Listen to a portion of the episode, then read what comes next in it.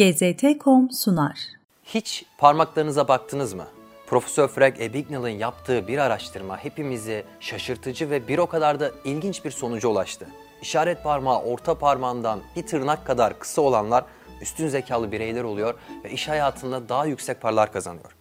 Epignal bu araştırmasını 8 yılda tamamladı ve 20 bin deneyi inceledi. Garip değil mi?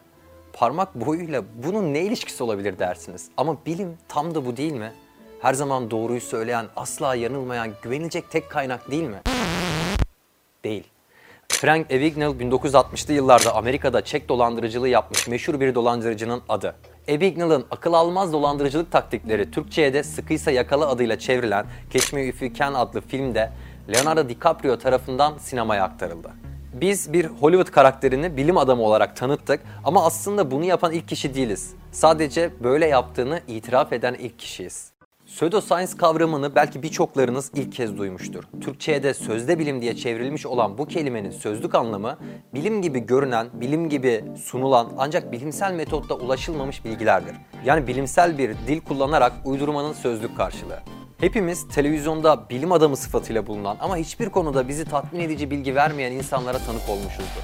Konu korona, deprem, iklim değişikliği ya da başka bir şey. Televizyonu açıyoruz, karşımızda bilim adamı sıfatıyla 2 saat konuşan biri ve program bittiğinde başladığımız belirsizliğin aynısıyla 2 saati tamamlamış oluyoruz. Bu sadece Türkiye'ye özgü bir şey değil. Hatta şunu söyleyeyim, dünyada üstelik de gelişmiş dediğimiz ülkelerde çok daha fazla. Bizim büyük ve prestijli medya olarak gördüğümüz, bilimsel konularda güvenilir kaynak saydığımız kanalların dahi kadrolu bilim adamları bulunmakta. Televizyonculuk konusunda başarılı ancak bilim adamı olmayan bu kişiler yeri geliyor siyasi mesaj veriyor, yeri geliyor kendisi gibi düşünmeyen gerçek bilim adamlarına ayar veriyor. Bunların biri Bill Nye, yaygın bilinen ismiyle bilim adamı Bill Nye.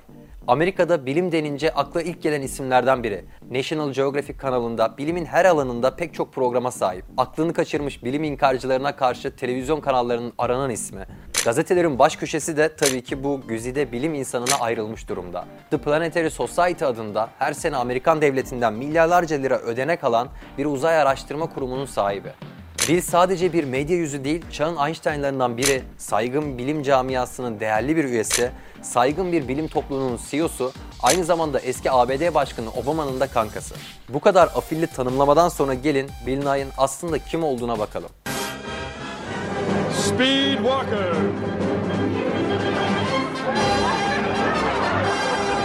Yes, it's Speed a physically fit superhero who fights crime while maintaining strict adherence to the regulations of the International Race. Evet, yanlış kişiyi izlemediniz. Adamımız bir komedyen. He really was. And uh, we're glad to have him here. He's a friend of mine. Uh, he's a comedian, and I- I've watched him perform for several years. I think you'll enjoy him. Put your hands together. Welcome, Bill Nye.